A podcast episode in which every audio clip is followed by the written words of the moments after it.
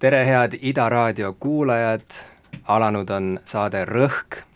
rõhk on kirjandusajakirja Värske Rõhk kirjandussaade, aga miks mitte ka lihtsalt saade elust, kus inimesed, kes on elus, mitte surnud veel, räägivad, mida nad on kogenud, mida nad on näinud ja kui nad juhtumisi on kirjanikud, siis millest nad kirjutavad. mina olen Jim Ashilevi mind seob tänaste külalistega see, et meid kõiki kolme on avaldatud värskes rõhus ühel või teisel hetkel. minu esimene raamat avaldati Värske Rõhu kirjastuse poolt, saatekülalised Triin Tasuja esimene luulekogu avaldati Värske Rõhu poolt ja Margit Lõhmus, kes on samuti siin stuudios, on ka Värske Rõhu autor. tere, Margit, tere, Triin! Tere! ma, ma tahtsin, et minu raamat, mis kunagi tuleb, avaldatakse ka Värske Rõhu poolt. ühesõnaga, kirjastus, mis teab, mis on kirjandus ja mis ei ole. aitäh, Värske Rõhk! aga tänane teema ei ole mitte kirjastamine ja isegi mitte tingimata kirjandus, vaid midagi hoopis suuremat. tänane teema on armastus. Ja armastus on selline teema, millest ühtepidi polegi nagu mitte midagi rääkida, sest et äh, armastust tuleb teha, mitte sellest lobiseda lõputult. või noh, sellest võib rääkida, sellest äh, jagub juttu lõputult ilmselt, aga mis see õige jutt on või mis on see konstruktiivne jutt, seda ei tea meist ikkagi keegi, aga vahel juhtub, et kirjandus tabab pakku ja ja me mõistame tänu kirjandusele võib-olla midagi sügavamat või midagi äh, seni varju jäänud armastuse kohta. Ja Margit ja Triin mõlemad, te olete armastust ikkagi oma töödes käsitlenud nii kirjutajatena kui ka võib öelda akadeemikutena, nii et võib-olla alustakski sellest, et mis on teie akadeemiline taust ja mismoodi te oma ülikooli elus olete armastusega kokku puutunud? Margit, alusta sina, ütle, kus sa oled õppinud ja mismoodi armastus asjasse puutub?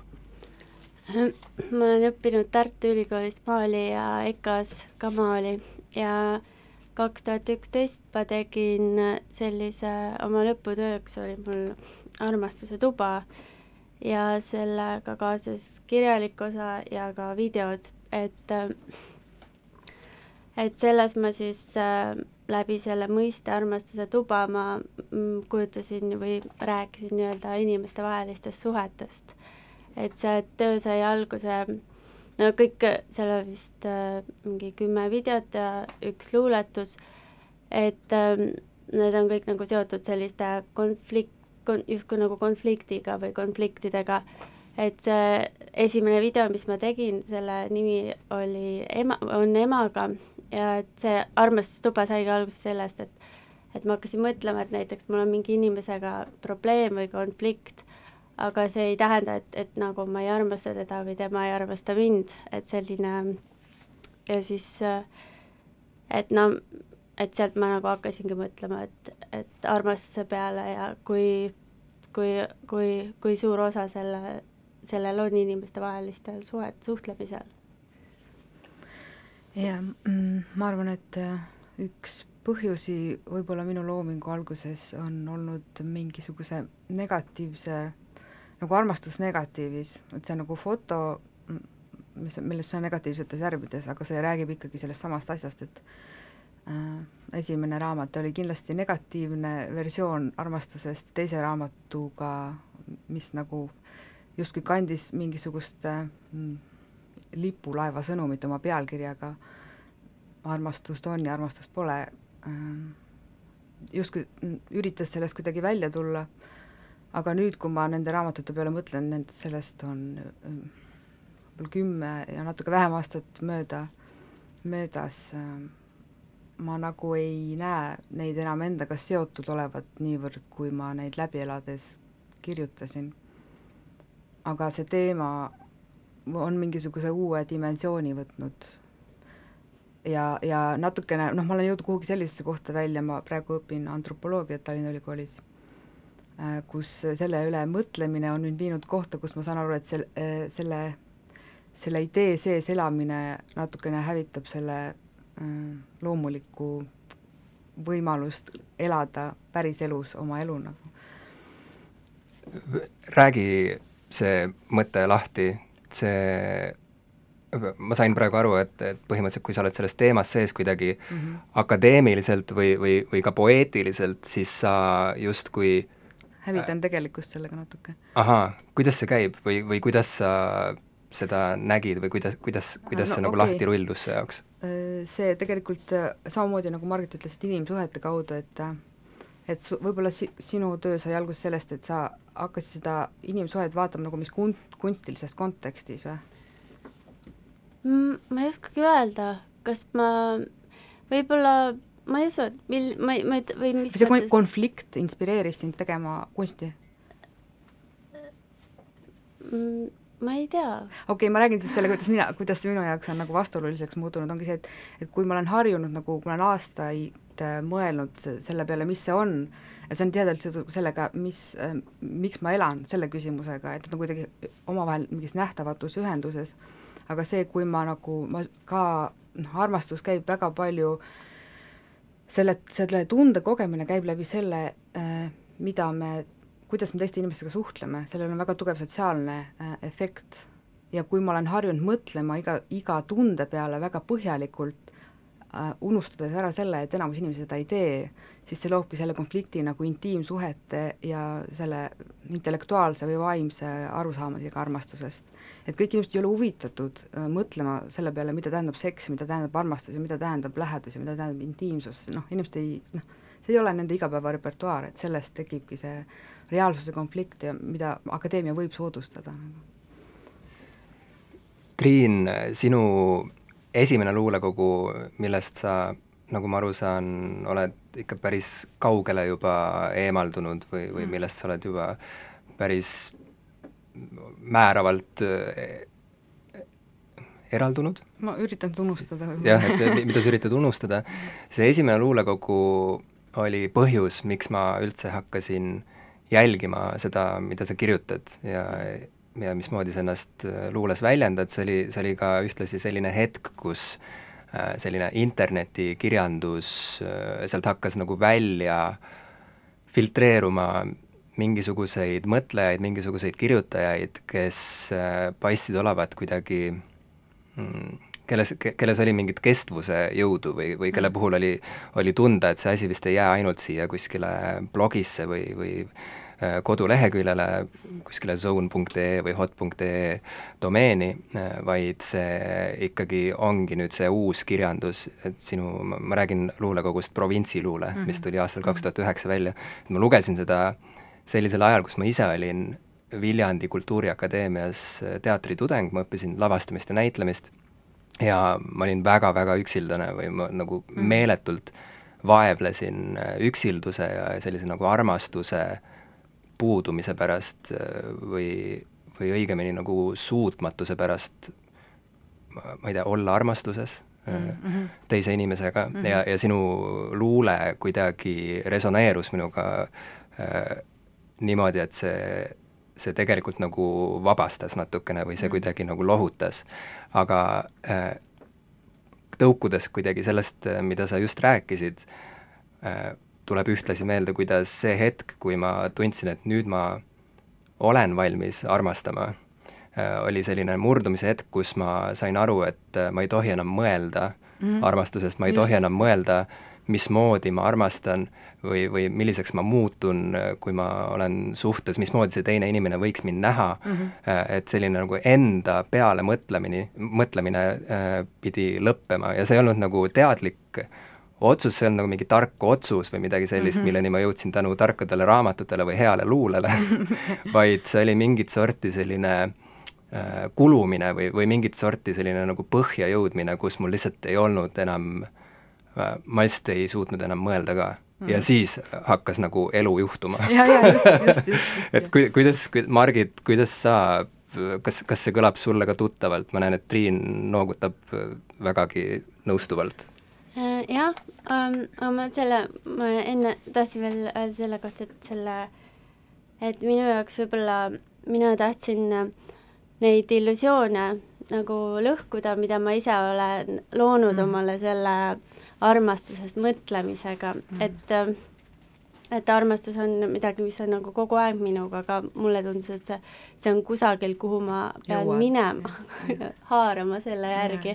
et, äh, et võib-olla see töö nagu aitas äh, et selle töö käigus ma nagu tahtsin võib-olla endast aru saada ja teistest aru saada. Ja ma arvan, et see, see armastuse tuba ongi rohkem nagu enesearmastuse teemat käsitleb tegelikult, et et võib-olla nende läbi nende mõtete ma ikkagi jõu-, jõudsin nagu ja jõuan alati nagu kuidagi endasse nagu tagasi, et mis minus nagu muudab või mis mõtlema paneb, et justkui nagu pehmendada seda, et et ma ei panusta nagu armastusele nii palju ja -hmm. mõtlen, et ta peaks mulle nüüd, et mind peaks keegi hullult armastama ja, ja ja noh, ehm, et see on pigem kogu aeg minuga või midagi sellist. eks see ongi põhise asi, mida sa leiad, et et sa ei oska kedagi teist tegelikult armastada rohkem, kui sa armastad iseennast ja sa ei saa nagu eeldada, et keegi armastaks seda kohta sinus, mida sa endas ise ei armasta või mida sa nagu mm -hmm. põlgad. et see, sellepärast ma noh, see ongi nagu, sellest saab nii kena suletud ringi luua, kus sa võtad iga impulssi, mis on armastusväärne väljaspoolt ja siis ehitad sellest omale mingisuguse turvatsooni ja nagu mõtled kõiki neid tundeid, ühesõnaga, mida sa oled tundnud teiste inimeste suhtes ja nagu väga huvitav on, aga nagu natuke hullumeelne ka. Et Margit ähm,, sinu värske rõhu intervjuu, mis ilmus peaaegu aasta tagasi, juunis kaks tuhat kaheksateist, värske rõhu numbris viiskümmend neli, äh, seal sa Äh, ütlesid, et äh, ja ma tsiteerin, ma mõtlen kunstist ja kirjandusest tihti kui puukidest. äkki kukuvad nad mu küljest ära, kui nad on end verd täis imenud. tegelikult vist pigem juhtub see, et ma ise jään veretuks. ideaalne oleks, kui saaks need puugid oma, oma vereringega ühendada, praegu on nad ikkagi veel lihtsalt puugid. Kas sa tunned endiselt nii? jaa et äh, noh äh,, ma arvan, et see on ka midagi, mis on minu peas kinni või kuidagi, et, äh, et tegelikult võib-olla see kunst ja looming on alati, mis jookseb minust nagu läbi, aga ma ise võib-olla lükkan natuke eemale ja nagu umbes üritan nagu eraldada, et nii, et see on mu elu ja see on nagu kunst. aga tegelikult ma ei olegi seda kunagi suutnud teha aga sa tahaksid, et sa suudaksid põhimõtteliselt segmenteerida mm. mingeid tsoone? no siis peaks olema võib-olla kolm mingit sektorit, mina, kunst ja töö. aga selles suhtes need kõik, ma, ma arvan, et peaks kuidagi mingi mingi, jah, tervik, et, mhm. et noh, need on ikka veel, ikka veel sellised eraldiseisvad, aga noh, ma ei tea, see on ka võib-olla okei okay. ma tõin selle tsitaadi mängu sellepärast, et harilikult, ma ei tea, kas see oli samamoodi teie puhul ka, aga ma oletan, et oli, vaielge vastu, kui ei olnud, et kui inimene, kelles on see loominguline säde või ambitsioon olemas, kui ta hakkab looma, siis kõigepealt ta hakkab looma ikkagi südamevalust, ta hakkab rääkima sellest, mis, mis on puudu, mis teda segadusse ajab ja, ja noh, see ei ole juhus, et nii suur osa sellisest teismeliste luulest keskendub ainult armuvalule tegelikult või no üheksakümmend üheksa protsenti sellest keskendub armuvalule. Siin stuudios me istume tegelikult juba niisuguses soliidses eas. Inimestena, me oleme kõik kolmekümnendates, me oleme täiskasvanud, tahaks loota, et me oleme küpsed. Ja, ja noh, ilmselt ei ole meis enam neid illusioone, et kuidagi noh, et luuletusega saab näiteks oma armuvalu lahendada või, või, või, või kuidagi äh, meelitada kedagi siis armastusväärset enda juurde, et selles mõttes tõepoolest äh, looming on nagu tema funktsioon või, või need väljavaated, mida sellega saab saavutada, on lihtsalt natuke teistsugused.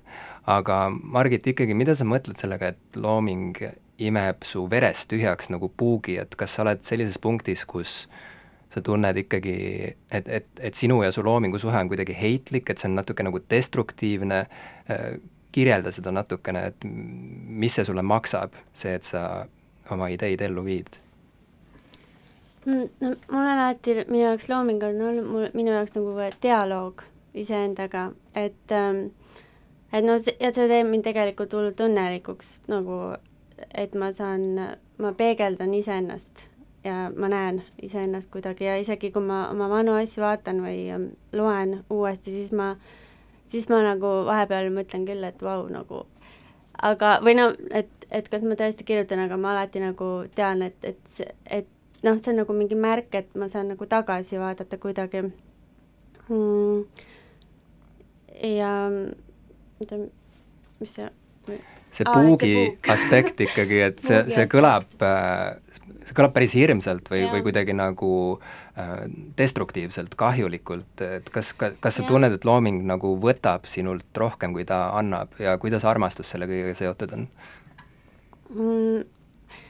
nojah, need, need tegelikult need, äh, need, see alati muutub ajas, et nagu aasta aega tagasi ma mõtlesin, ütlesin ühte asja ja aasta aega hiljem, hiljem on need muutunud, aga üldiselt ähm, võib-olla vahel on seda verd nii palju, et see puuk imeb selle välja ja siis hakkab parem.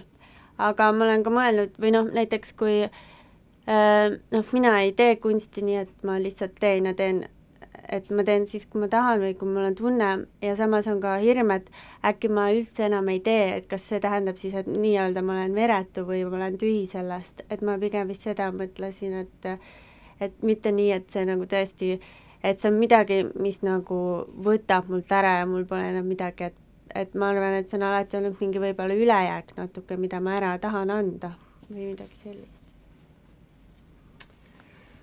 Triin Äh, ma olen näinud, mida sa Twitterisse kirjutad oh, no. sest see on avalik ma ei tea, kas sa teadsid seda, seal saab panna ka lukku konto. ma tean jaa, ma aga... olen, võtan, võtan vastutuse oma sõnade eest. okei okay,, siis on hästi. Äh, sa oled Twitteris öelnud äh, ja, ja üldsegi mitte ammu, et et sa oled luulest tüdinud põhimõtteliselt mm -hmm. või et, või et sa oled luuletamisest tüdinud mm. -hmm. ja, ja ma tsiteerin, ükskõik kui palju ma räägiks, et mul luuletamisest kopp ees, siis tegelikult võiksin samal ajal muna ka imeda. suitsetaja on alati suitsetaja, nagu luuletaja on alati luuletaja. rattasõitu pole võimalik ära unustada mm,. kas sa tunned endiselt nii, sa ütlesid niimoodi ja, umbes, ma ei tea, kaks nädalat tagasi ja,? jaa, jah, ma mäletan, kui ma seda ütlesin, siis ma ahastusega, ma olin olukorras, kus mul ei jäänud jälle muud üle, kui ma pidin kirjutama, siis mul oli nagu mõnikord on nii paha, et nagu noh, et seal ei ole nagu, sa oled nagu ne-, se-, seina vastu surutud ja siis ainuke viis, kuidas hingata, on luuletamine, nagu see kõlab nii, nii dramaatiliselt, et mul läheb endal süda pahaks, aga tõesti niimoodi on nagu aga põhimõtteliselt üritan juba aastaid ennast võõrutada ja ma arvan, et ma arvan, et see oli mingi viis aastat tagasi, kui ma nagu manifesteerisin selle ka avalikult, et et ma lõpetan luuletamise siis, kui äh, luule nagu avaldab, avab ennast nagu olmeliselt ennast mulle igapäevaselt. Ja tegelikult selle punkti ma olen saavutanud, et et ma näen neid kujundeid ja ma näen neid äh, mingeid jumalikke ilmutusi regulaarselt ilma, et ma peaksin neid sõnastama kogu aeg, et ma näen seda luuletust juba nagu olevas, olemasolevana ja ma ei tunne nagu tungivat vajadust seda jäädvustada. et, et see äng nagu, mis äh, mind on sundinud luulet kirjutama, on äh, hääbunud küll, aga, aga ta noh, ta on ikkagi olemas seal kuskil, see teadmine, see jalgrattasõidu teadmine, et noh, sa ei saa seda ära unustada, see mõnes mõttes on su vereringes sees või midagi niisugust. aga sa rääkisid enne väga tabavalt, et et äh, mõnes mõttes see lõputu armastuse analüüsimine mm -hmm. ja selle äh, armu, armastuse valu kuidagi kaunikujuliseks äh, sõnastamine mm, -hmm. kuidas see võib kokkuvõttes olla lihtsalt selline nagu tupik ja. või noh, et see, sa kirjutad ennast kuskile nurka ja elad mõnes mõttes mingit fiktiivset ja. elu või sa kuidagi, ma ei tea, teed oma ängi nagu oma selliseks äh, Äh, aksessuaariks. just, jaa. see on suur oht luuletajatel. kas, kas ma, kas ma eksin, kui ma niimoodi oletan siin, et, et kui noh, vaadates su luule peale, äh, hästi suur osa sellest keskendub armastusele ja, või, või siis äh, inime-, inimestevahelise läheduse võimatusele või, või, või võimatusele, et nüüd, kus sa oled punktis, kus äh, sa oled hoopis filosoofia kaudu ja lihtsalt elamise kaudu mm -hmm. sellele teemale justkui nagu lähemale saanud, siis nüüd sellepärast, et see, et see vana kütus nagu enam ei toida mm, -hmm. on ka luule kui väljendusvahend ennast praeguseks ammendanud sinu jaoks jah, osaliselt selle tõttu ka, aga kuna mu mõtetel on mingisugune uus formaat tekkinud mingi akadeemilise süsteemi kaudu, siis on see ka mm, tehniliselt äh, muutunud. See luule, ütleme, on võtnud uue vormi ja nagu luule kui selline on niikuinii üks metafüüsilisi keeli, millega sa kirjeldad kogu aeg mingisugust olemasolemist, mida ei ole võimalik tõestada, noh, tunded põhimõtteliselt on, on, ongi ju mittetõestatavad väga, või noh, okei okay,, tegelikult need on tõestavad ka, tõestatavad ka väga konkreetsete näidetena, nagu mingi löömine või või, või armatsemine, aga aga, aga need nüansid, mis nende tegudeni viivad, on nii, nii variatiivsed, et neist tuleb, ma leian, et filosoofia keel on midagi, mis saab sellest rääkida universaalsemalt ja põhjalikumalt ja mitte nii mm, kujundlikult ja mm, ütleme nii, et ma olen uue, uue keele ära õppinud või õppimas uut keelt, kuidas rääkida mm, millestki, jah aga mis oli see võtmemoment, kui selline hetk üldse oli, mis, mis oli see võtme, äh, ma ei tea, võtmetekst või, või, või võtmekohtumine just selles akadeemilises maailmas, mis kuidagi avas selle uue registri sinu jaoks või selle uue keele, nagu sa ütled mm.? kas, kas sa mäletad mingit selget hetke, kus, kus toimus selline muutus? okei okay,, nagu üks tasand, üks al-, mida võiks defineerivaks pidada, oli, kui ma kirjutasin oma esimest äh, esseed, ma arvan, ei, see oli teine essee juba, esimese esseega ma sain veel nagu äh, proosaliselt hakkama, aga aga kus ma olin nagu nii, kus mul oli selline ülepinge, kus ma nagu kirjutasin äh, noh, essee on ikkagi selline jooksev proosa, aga see, kuidas ma neid lauseid kujundasin, oli ikkagi nagu hästi kujunditetihe äh, sellisel tasandil, kus minu, mulle tundus, et need kujundid, mida ma kasutan, on kõigile sama universaalselt mõistetavad ja nagu ma nagu, kui ma sellele momendile tagasi mõtlen, siis mõtlen, et issand jumal, et et see, mida ma kirjutasin valgustusest nagu, mis tähendas minu jaoks üheaegselt nii eh, elek-, elektro- äh,, elektrit äh,, budistlikku valgustust kui mingit päiksetõusu, et nagu see ei, see ei jõudnud tegelikult, noh, seda peaks ikkagi lahti seletama rohkem, kui ma tollel hetkel mõtlesin. et võib-olla see oli üks murdepunkte aga noh, pärast seda ma ikkagi veel kirjutasin, mul on mingi kaks, no umbes kaks raamatut, raamatutäit käsikirja materjali, mida, millega ma ei tea, mida peale hakata, et ma olen selles mõttes, et nagu noh, no kuidas ma nagu edasi lähen selle teadmisega, et mul on nii palju luuletusi või nagu noh, ma tunnen hästi ebamugavalt ennast sellest, kogu sellest kirjanduslikust rollist, ma olen alati natukene ebamugavalt ennast tundnud, aga nüüd mul on nagu eriti kõhe, et ma nagu nagu kogu, kogu aeg justkui kirjutan, aga nagu mis asi see on nagu okei okay,, niikaua kui ma olen koolis, nii kaua on see turvaline, aga ma ei tea, mis edasi saab sellest kirjutamise oskusest ja nagu võimalusest ja nagu kuhu see viia võib nagu. Ma hüppan jälle Twitterisse mm, -hmm. kui sa lubad. jaa, muidugi sest see on avalik konto, selles mõttes, et see on, kõik võivad vaadata, et Triin Tasuja Twitteris.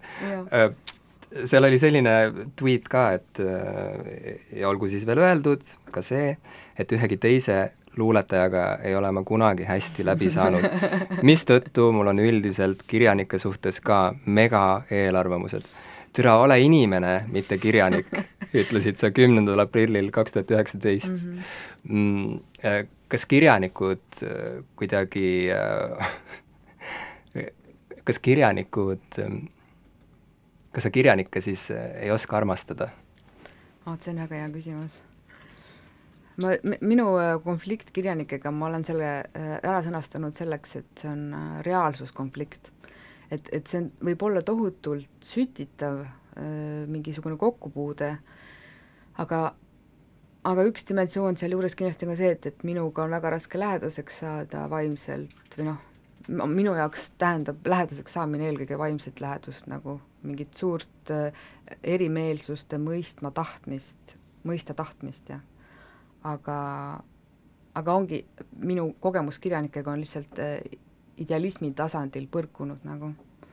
Et me ei saa, me arvame, me räägime samade sõnadega, vaimustume samadest reaktsioonidest, aga, aga teisest küljest me nagu ei adu ikkagi sedasama idealismi, millest me räägime samamoodi. Ja sellest tekib nagu tohutu mingi praktika ja teooria vastuolu minu jaoks. aga ma üritan sellest nagu üle saada, et ma, ma ei taha, et mul oleks need eelarvamused, ma tegelen sellega. Nagu Margit, kas äh, sina, mm, sina, kes sa tegutsed kunstiväljal, kirjandusväljal, sa kasutad erinevaid äh, vahendeid, et kõiki neid teemasid käsitleda ja sa ka kohtud inimestega väga erinevates distsipliinides, kas sul on ka mingit sorti allergia mingi eriala esindajate suhtes või, või mingit tüüpi kolleegide suhtes, kelle puhul sa tunned, et et üks on see ametlik roll nii-öelda, aga nagu inimlikul tasandil sul puudub neile ligipääs mm.? No võib-olla võib-olla mul on alati, ma ei ole nagu, või noh, mul on mingi konflikt, mitte konflikt, vaid noh, mulle vist ei meeldi meesmaal ju kunstnikud, aga võib-olla see on nagu, võib-olla selles suhtes on väga üldine, et et äh, mõni on okei okay ka, aga, aga ma ei tea, ma, ma ei võta nagu selle, ma üritan sellest nagu üldse üle olla, et mul vahet ei ole nagu, kes inimene on, et minu jaoks ei ole see tähtis, kas ta on kirjanik või, või või ta on kunstnik või noh, vare, varasemalt mul on küll tunne olnud, et et kunstnikega justkui pole mitte millegist rääkida ja või noh, et näed kedagi, et tšau, et kuna sul näitus tuleb mingid noh, mingi kunstijutt, mis on nagu, äh, mis on eba, mis on nii praktiline, et see on nii ebahuvitav, et ähm, et aga noh, üldiselt ma ei tea, ei ole vahet nagu, ma ei, ma ei mõtle sellele eriti. Ma isiklikult olen olnud sellise, ma ei tea, kompleksiga, et äh, mul üldiselt on olnud väga raske näha rolli taga inimest, ühest küljest tuleneb see lihtsalt äh, mingist oma ebakindlusest ja, ja, ja sellisest kartusest, et ma olen äh, pigem ed-, ebaadekvaatne, äh, pigem kuidagi, ma ei tea, vaimselt või, või üleüldse eksistentsiaalselt madalama staatusega kui see inimene, kellega ma kohtun, eriti kui see on mingi lugupeetud inimene ja eriti, kui see on inimene, keda ma väga austan, näiteks teatrikooli minemise üks impulsse minu jaoks oli see, et ma lihtsalt nii väga kartsin näitlejaid. ma tahtsin teha teatrit, aga ma ei julenud neid juhendada, sest et aukartus oli nii suur.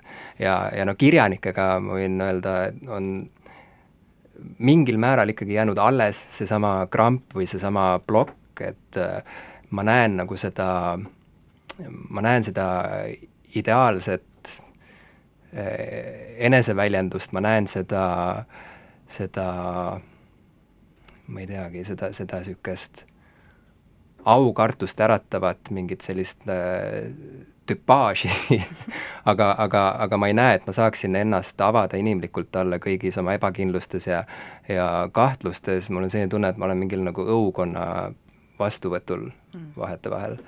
-hmm. et, äh, et niisugune lihtinimlikkus ja, ja, ja kuidagi igatsus selle järele on, see võimendub sageli just sellises nagu kõrgkultuurses seltskonnas. ja et sellelt tasandilt või sellelt pinnalt ma suudan, Triin, väga hästi suhestuda selle äh, luuletajate ja, ja, ja kirjanike äh, ütleme, allergiaga mm,. ma olen ka see, sedasama tundnud, aga mulle endale tundus, kuna ma alguses olin rohkem nagu kunsti, kunstiinimestega suhtlesin või kunstnikega, ja siis, kui hakkasin nagu rohkem äh, kirjanikega suhtlema või noh, mitte et ma ei, mitte et ma nüüd suhtleks äh, aga siis mulle just tundus, et see kirjandusmaailm, see on nagu vabam kuidagi. mul on just vastupidi kunstiga, ma saan mm. kunstnikega alati väga hästi läbi, aga võib-olla see ongi see, et see dimensiooni erinevus, et et kirjanikega ka varem või hiljem tuleb see mängu, et äh, mul tuleb nüüd raamat välja mm, nagu nojah, palju õnne vist, et nagu, et ma tean seda tunnet nagu, et et ma just enne mõtlesin ka, et kas see ongi nagu see kulminatsioon, et nagu ma kirjutan sellepärast, et raamat tuleks välja, et, et ma saaks sellest lahti. et kunagi mul on olnud ka see, et nagu saaks sellest lihtsalt lahti, nagu saaks minema selle, võib-olla see on see puugi teemaga veits haakub ka, aga aga praegu mul ei ole isegi, mul ei ole isegi seda nagu, mind ei motiveeri isegi see nagu et äh, aga kunstnikud jaa, nagu kunstnikud on kõige vabamad inimesed, kui nendega, nende seltskonda sattudes ma tunnen nagu, et, et minu, minu loomus nagu saab täielikult avalduda kogu mu kehas nagu, mitte ainult mm -hmm. verbaalselt nagu, sest noh, see verbaalsus on niikuinii natukene nagu üle noh, ta on nagu, ongi see kõrgkultuurilisus, et, et, et see on kirjasõna ja see on mingisugune nähtamatu võime, aga, aga nagu ei, see ei saa kõik olla nagu ma näen siin mingit sorti vastuolu just sellepärast, et noh, te mõlemad tõite välja erineva loomevaldkonna esindajaid, kes teie meelest on tundunud nii lahtised ja vabad ja siis te näete, kuidas teie oma kolleegid, lähikondlased on justkui äh, kuidagi off limits nagu teie jaoks või et, et ei pääse neile päriselt ligi. Äh, ja noh, see on miski, nagu ma ütlesin, millega ma suudan samastuda, aga samas jällegi, kui astuda üldse äh, paar sammu kultuurivaldkonnast kaugemale, vaadata seda väljast niisuguse nagu ühe tervikuna, siis üleüldse ju kultuuriinimesed äh, kui sellised, nende töövahend ongi kõik, mis nende sees toimub, ehk siis nad ongi, nende töö on olla nii avalik kui võimalik mm. -hmm. materjal, mida nad oma töös kasutavad, on äh, põhimõtteliselt kõik, mis nad on või, või kõik, mida nad on kogenud, nad panevad nagu kõik kõik kaardid lauale justkui ja, ja teevad seda väga äh, kaunilt sageli. Mm. Äh, et, et see on nagu naljakas vastuolu, et ühest küljest need on inimesed, kes on kogu ühiskonna ees avali, sest nad räägivad oma kõige isiklikumatest asjadest äh, raamatutes või, või, või maalidel äh, või, või teatrilaval, aga samas äh, selles ringis sees olles äh, on ikkagi see tunne, et, et ligipääs puudub ja, ja siis on tohutu kergendus, kui tekib klapp hoopis inimesega, kes, kes kultuurist suurt midagi nagu ei, ei hooli. Ja, ja siis on järsku tunne, et ah, äh, ma kohtusin kohtusin päris inimesega, me saame, me saame nüüd lihtsalt elada. et, et noh, mul on väga hea meel, et näiteks, et ma ei ela koos mõne näitlejaga, vaid, vaid et ma elan inimesega, kes, kes ei arvagi, et et teater on väga tähtis või, või möödapääsmatu asi. Läheb paljuks vist, jah. aga ähm, teeme väikse muusikalise äh, hingetõmbepausi, pärast mida siis, Margit, sa saad öelda nimeliselt välja, et kes on need meesmaalikunstnikud, kes sinus ebamugavust tekitavad ja Triin, sa siis mõtle juba valmis, kes on need kirjanikud, keda sa ei talu mm., kellest sa, kellest sa lähed kaarega mööda äh, aga, aga enne, kui sa selle nimekirja koostamiseni jõuad, siis äh, räägi, mis pala sa kaasa võtsid ja äh,, ja miks? see, lugu äh,. Depeche Mode'i Strange Love sellelt äh, kaheksakümne seitsmenda aasta albumilt vist äh, see on praegu äh, hetke tunnetega mm, seoses, sest see räägib nagu ka patusest armastusest, kuidas selleks, pattu on vaja selleks, et ellu jääda. Põhimõtteliselt, palun väga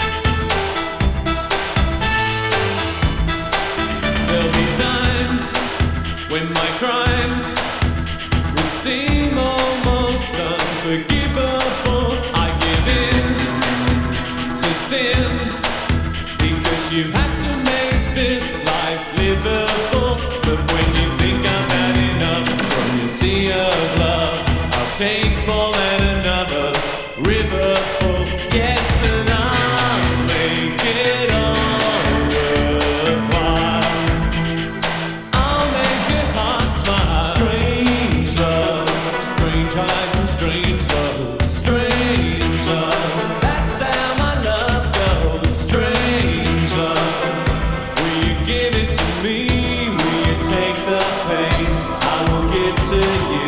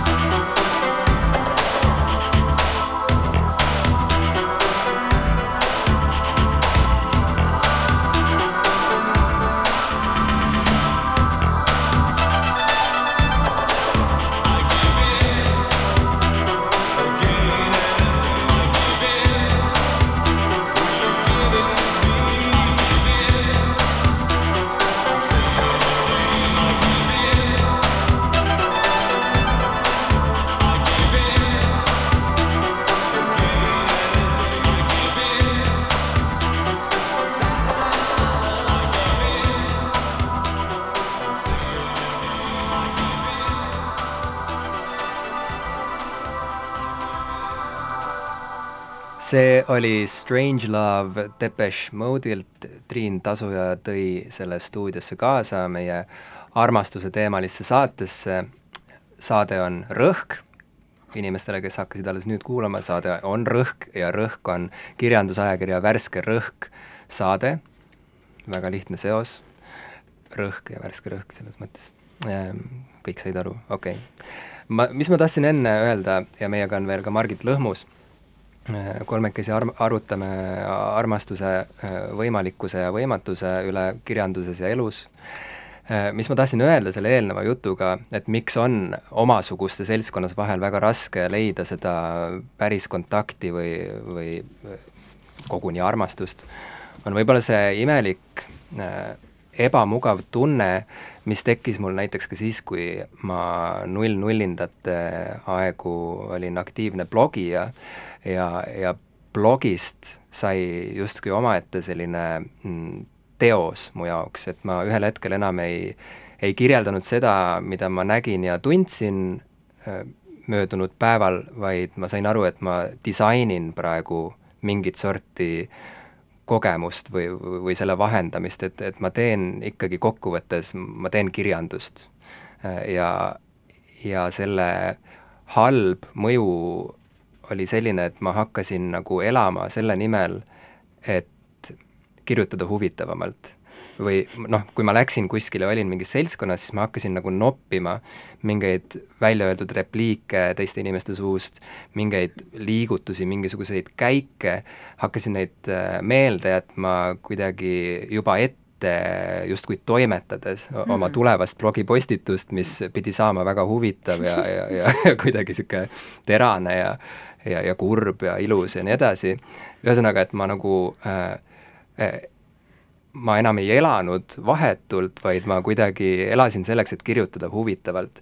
ja, ja kui ma olen nagu, see on lõks, inimeses see on lõks mm., kes ei teadnud veel, siis see on lõks. lõpeta kirjutamine, kui sa praegu selle saate ajal otsid motivatsiooni või inspiratsiooni mm., lihtsalt lõpeta see. aga jah, et see omasuguste seas äh, liikumine tekitab vahel sarnast tunnet, et jällegi üks näide veel elust enesest, kui ma käisin teatrikoolis, siis üks mu õppejõududest, Katri Aaslav-Tepandi, ähm, noh, õpetas meile sellise psühholoogilise sisseelamisteatri põhialuseid ja ja siis ühel hetkel ma küsisin talt tunnis, et aga, aga näitlejate seltskonnas, kes kõik kuidagi teavad neid põhialuseid ja rakendavad neid oma igapäevatöös, et kas ei ole natuke nagu võimatu lihtsalt vabalt olla, kui sa tead, et kõik need inimesed konstantselt jälgivad üksteise liigutusi ja kuidagi jätavad meelde kõnemaneere, et neid hiljem laval ise kasutada ja et, et sa oled nagu, sind ümbritsevad mitte inimesed, vaid niisugused nagu valvekaamerad või, või, või noh, et elu, mhm. elust saab nagu mingi reality show põhimõtteliselt, kus kõik on kõigile nagu materjaliks, et kas see ei muuda nagu sellise normaalse suhtluse kas ei muuda normaalset suhtlust natuke nagu keerukaks või, või isegi nagu võimatuks ja siis kunstlikuks, ja kunstlikuks just. Ja siis see õppejõud mul ta ütles, et, et ei, et ikkagi need inimesed suudavad seltskonnas selle, selle kaamera nagu välja lülitada ka mm. ja hiljem ma olen kogenud, et jah, et see on võimalik, selles mõttes, et selleks ei pea isegi mingit teadlikku sammu astuma. et lihtsalt, kui see harjumus nagu on kuidagi kui see, kui seda harjumust ei ole või kui sa suudad nagu kuidagi loomulikult niimoodi ümber lülituda erinevatesse režiimidesse, siis on kõik okei okay. Aga kuidas teile tundub see asi, et kas, kas kirjutamine äh, või, või üldse loomine on selles mõttes alati lõks või, või kuidas kirjutada või luua siis targalt niimoodi, et see ei hakkaks äh, asendama elu ennast su jaoks, et see ei hakkaks muutma kunstlikuks Aa, loomulikku suhtlust ja elu. ma leiutasin selle jaoks retsepti tegelikult. see on lihtsalt äh, tööjaotus nagu või noh, oma elu äh, sektsioonideks ikkagi lahterdamine, et, et sa ei tööta üle nagu, ületöötamist tekibki see reaalsuskonflikt ja uskuge mind, ma olen väga kaugel käinud sellega nagu, kus sa ei erista enam üldse reaalsusi omavahel ära, sest kõik on nii üksteise sisse segunenud, aga, aga teadlik äh, režiim ja endale puhkuse andmine, et ilmselt see tunde järgi töötamine nagu on adekvaatne, aga seda tuleb ka nagu mingi hetk teadvustada, et äh, okei okay,, nüüd ma juba mõtlen liiga palju või nüüd, et nüüd ma juba nagu kogen liiga palju, et ma pean seda kogemust vahetama teadlikult, mitte nagu laskma endal selle, endal seda noh, selles olla kogu aeg ja sellest kand-, kanda endas, ennast mingisugust inspiratsioonist nagu, et seda nagu reality check'i tegema, et mingeid kontrastseid asju tegema, et et kui, kui olla kogu aeg äh, mingisuguses loos näiteks, mida, mida sa parasjagu kirjutad, siis käia sellest loost väljas mingi öösiti baarides klaase koristamas, midagi sellist, mis on nagu täiesti teine reaalsus, et sul oleks nagu see vaheldus ja nagu see sanity peas minu meelest, ma ise arvan. noh, kui mina mingit äh, juttu kirjutan, siis tegelikult ma ei saa sellest välja. Ükskõik, mis ma teen, ma olen selle sees või ma mõtlen, aga noh, ma kirjutan alati hästi ruttu, mingi paari päevaga nagu mm. jutu valmis, et siis ma saan välja uuesti minna mm,. saad rahulikult hingata, jah? ma näen, et selle lõksu üks kirjeldusi võikski olla selline, et ja kui me toome siia selle armastuse temaatika ka sisse uuesti, et et kui sa, kui sa teed oma armastusest kunstiteose mm., siis on noh, kõik on põhimõtteliselt perses. jaa, on küll, on küll sest jah, et, täiega on. sest armastus ei ole kunstiteos, Jah. vaid see äh, on orgaanika, nagu, nagu puud kasvavad ja nii edasi nagu. ja ma, ma seda puude kasvamisega, mul ongi, ma olen oma lõputöös nagu kirjutanud, et no nagu, et enda meelest, et mis on siis armastus. et mõtted, mis mul on armastuse kohta tekkinud ja siis üks ongi, et armastus on täiesti normaalne, sama, sama tavaline nagu see, et metsas kasvavad puud. ja siis on armastus on tihe tunne tühjuses, mis tuleb vaid korraks. armastades teevad inimesed oma suurimad vead. Armastus on väsitav, inimesed ei viitsigi sellega enam jännata. armastus oma olemuselt tundub see sõna labiilne. armastus on teismeja luulu, armastus, kelle tehtud ajupesu see on. armastus on abstraktne armastus on ainult väga niivs-, naiivsetele või siis väga tarkadele, mulle see ei sobi. armastus on kogukond, mitte indiviid. Et aga noh, siin selle lõppu või siin ma lõpuks nagu jõuan järeldusele, et armastus on luuüdi, et noh, et see on ikkagi olemas kõigis mm. -hmm. aga see ongi sellel nagu väetise tasandil, et see luu võib-olla ei liiguks, kui tal seda üdi Jaa, ei jah. oleks, aga see li- liigne teadvu-, teadvustamine sellest äh, tuleb lahus hoida võib-olla sellest targutamisest nagu jah, sellele lihtsalt ei tasu võib-olla nii palju panustada. mm.. ja sellel peab olema konkreetne nagu äh, anum, kuhu, kuhu need mõtted, mis sellest armastamisest tekivad, valada, et sellel oleks mingisugune, kui, kui see on nagu üleliigne energia mõnes mõttes, kui neid mõtteid tekib nii palju selle tundmise käigus, siis tuleb see kuidagi rakendada sellisesse vormi, ma ei tea, heategevus või, või loo kirjutamine, mida iganes, need on võrdväärselt anumad selle jaoks, kuhu seda tunnet rakendada, kui seda on rohkem, kui, kui enda sisse ära mahuks nagu, jah. Kõigega nõus. mul on selline tunne, et siin on nii tihedad mõtted, et ma pean selle saate ise pärast järele kuulama, et et, et äh, saada nagu maksimumi äh, sellest kõigest.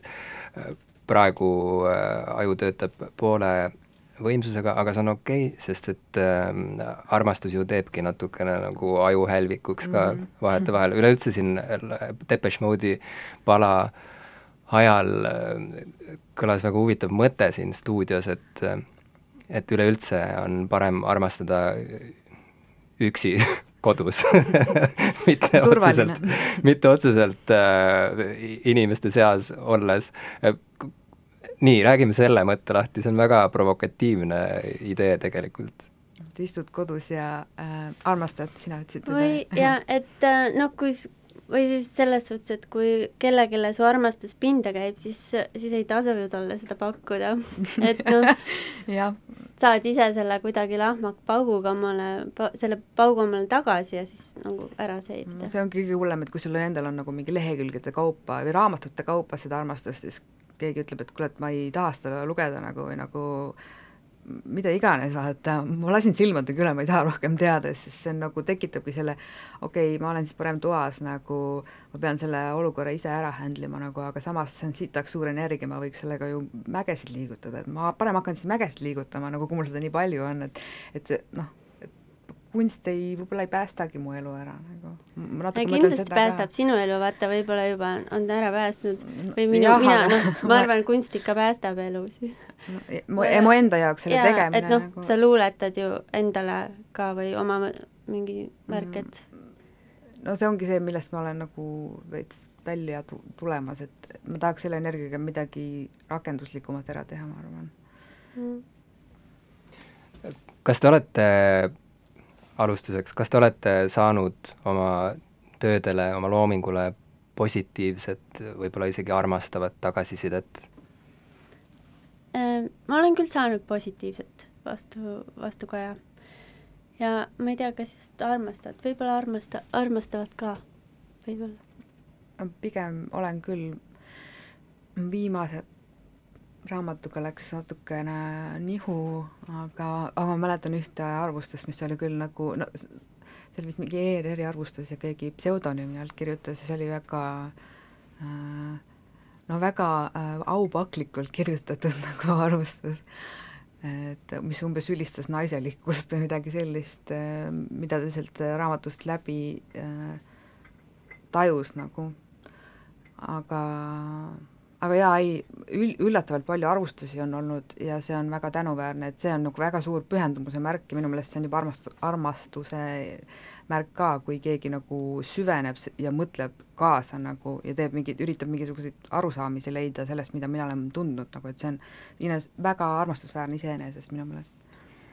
ma küsisin seda, ma, ma küsisin seda tagamõttega, sest et äh, esiteks ma olen ise mõningate autorite suur austaja ja koguni nii, nii suur austaja, et ma tunnen, et ma, ma tõesti nagu armastan, armastan nende loomingut ja ja, ja tegelikult kujutan ette, et ma isegi armastan neid inimesi või noh, neid autoreid, kui, kujutan ette, et ma tean, millised nad on ka inimestena, kuna ma nende loomingut nii hästi tunnen.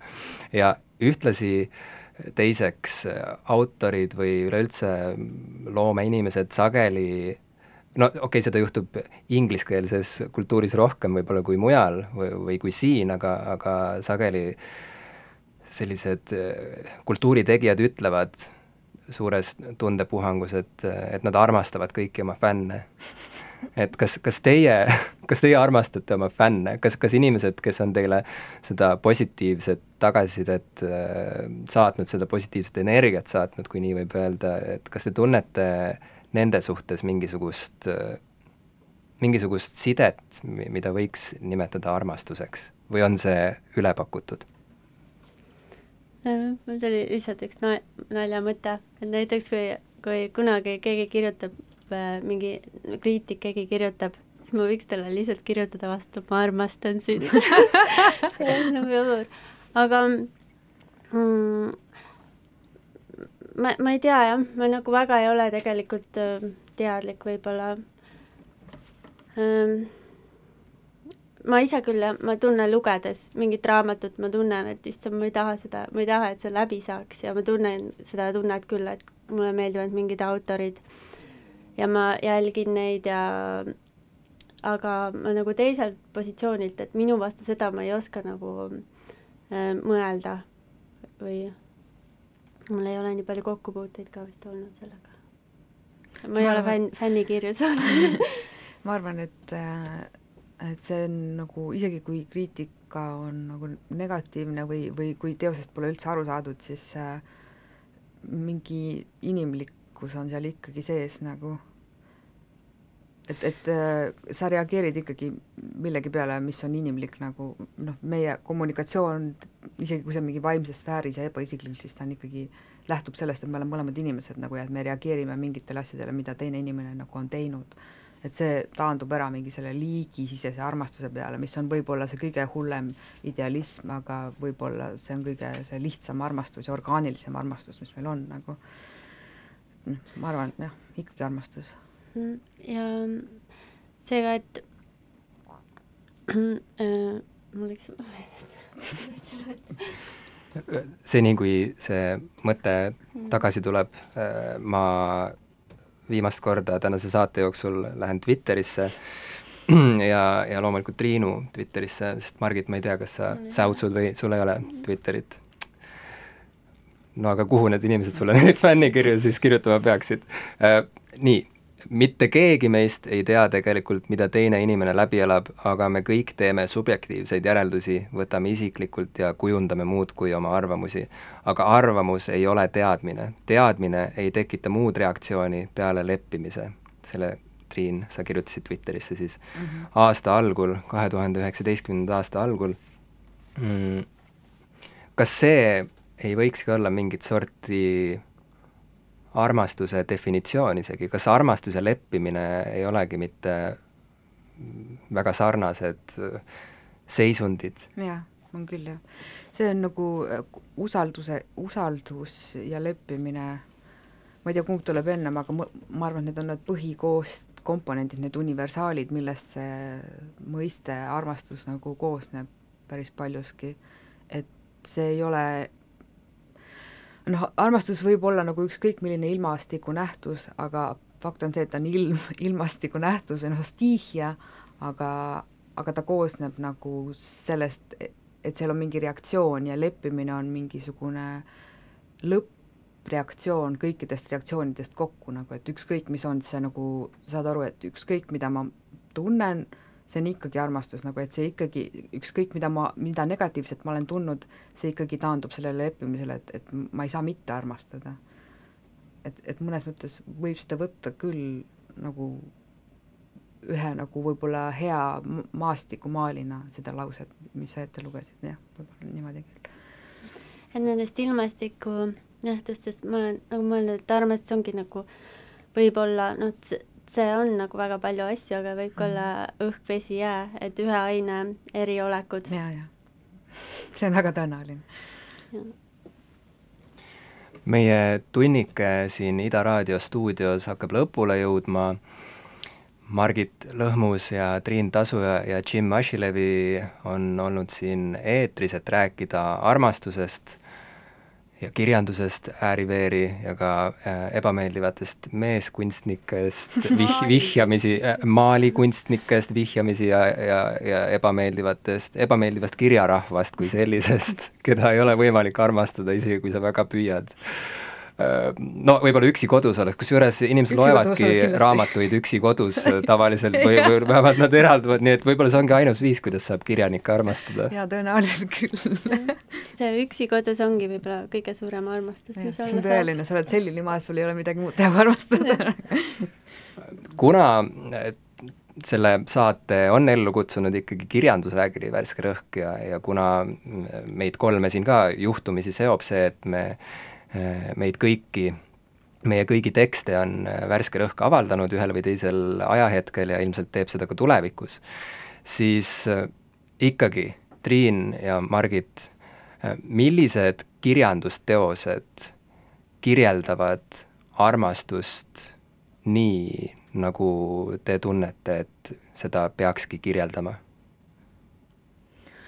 mul oli ikka, ma minu arust iga kord, kui mul küsitakse mingit raamatusoovitust, siis ma ütlen sellesama, need kaks asja on läbivad, on Lao Tzu, Tao Te Ching ja Dostojevski Kuriteo karistus vist.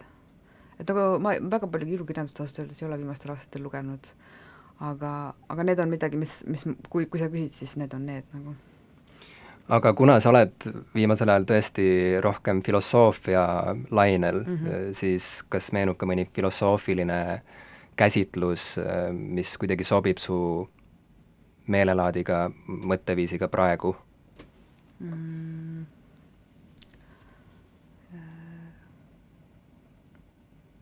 Äh, jaa äh,, Herakleitos oli viimane selline, keda ma lugesin äh, ja siis ma sain aru, et okei okay,, et ma ei pea teda nii palju lugema, et ma saan aru küll, et ta on nagu mingi homie et see on sama see, sa saadki kirjanikku armastada niimoodi, vaata selle kaudu, et okei okay,, ja ma saan aru, ükskõik, kus ma lahti võtan, siis me räägime samast asjast nagu. et jaa, Herakleitus, antiikfilosoofia nagu või kõik asjad võtab korraga kokku nagu ähm, minul, no ma ei tea, kas see, või noh, lihtsalt viimati ma lugesin Ene Mihkelsoni raamatut Korter ja mulle meeldis seal oli üks äh, lause armastuse kohta, et, et armastuse saab vägivalda mulle meeldis see tegelikult. et ähm, noh, seal oligi, et ähm, no nagu paarissuhtes, et äh, et see kokkuleppeline domineerimine või et ähm, et see ikka, jah, see raamat üldse lahe, et see on nagu inimsuhted mingis nõukaaja korteris, et soovitan seda lugeda ma ei kuulnud nii täpselt, kas see oli, et armastus on vägivald või et armastuses, armastuses ei ole, et armastuses on vägivald? ahah. jah, et mm. noh, et ja see panigi mõtlema, et tegelikult see, see, see vägivald armastuses ongi inimene, et muud see olla ei saa. Muidu kui inimest ei oleks, ei oleks ka armastuses vägivalda kuidagi. aga kui inimest ei oleks, kas siis armastust üldse oleks?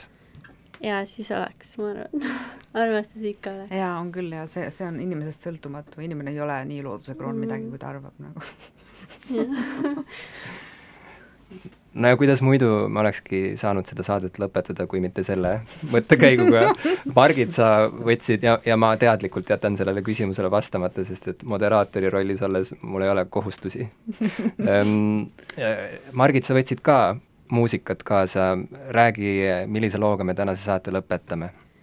Ähm, see on artist on Luna ja äh, loo nimi on vist Varjutus või Kuuvarjutus, ma tegelikult ei saa eriti sõnadest aru, see on vene keeles, aga seal on üks lause, et selline, et see ei ole veri, ei, tähendab, vabandust, see on veri, see ei ole mahl et see, see, noh, mulle meeldib see lugu ja sellepärast.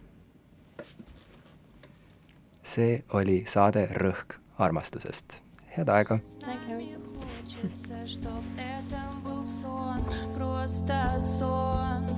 Я тебя не узнаю Я тебя не понимаю. Видишь, друг, это глубоко Это там внутри. Знаешь ли, знаешь ли Мы с тобой, мы с тобой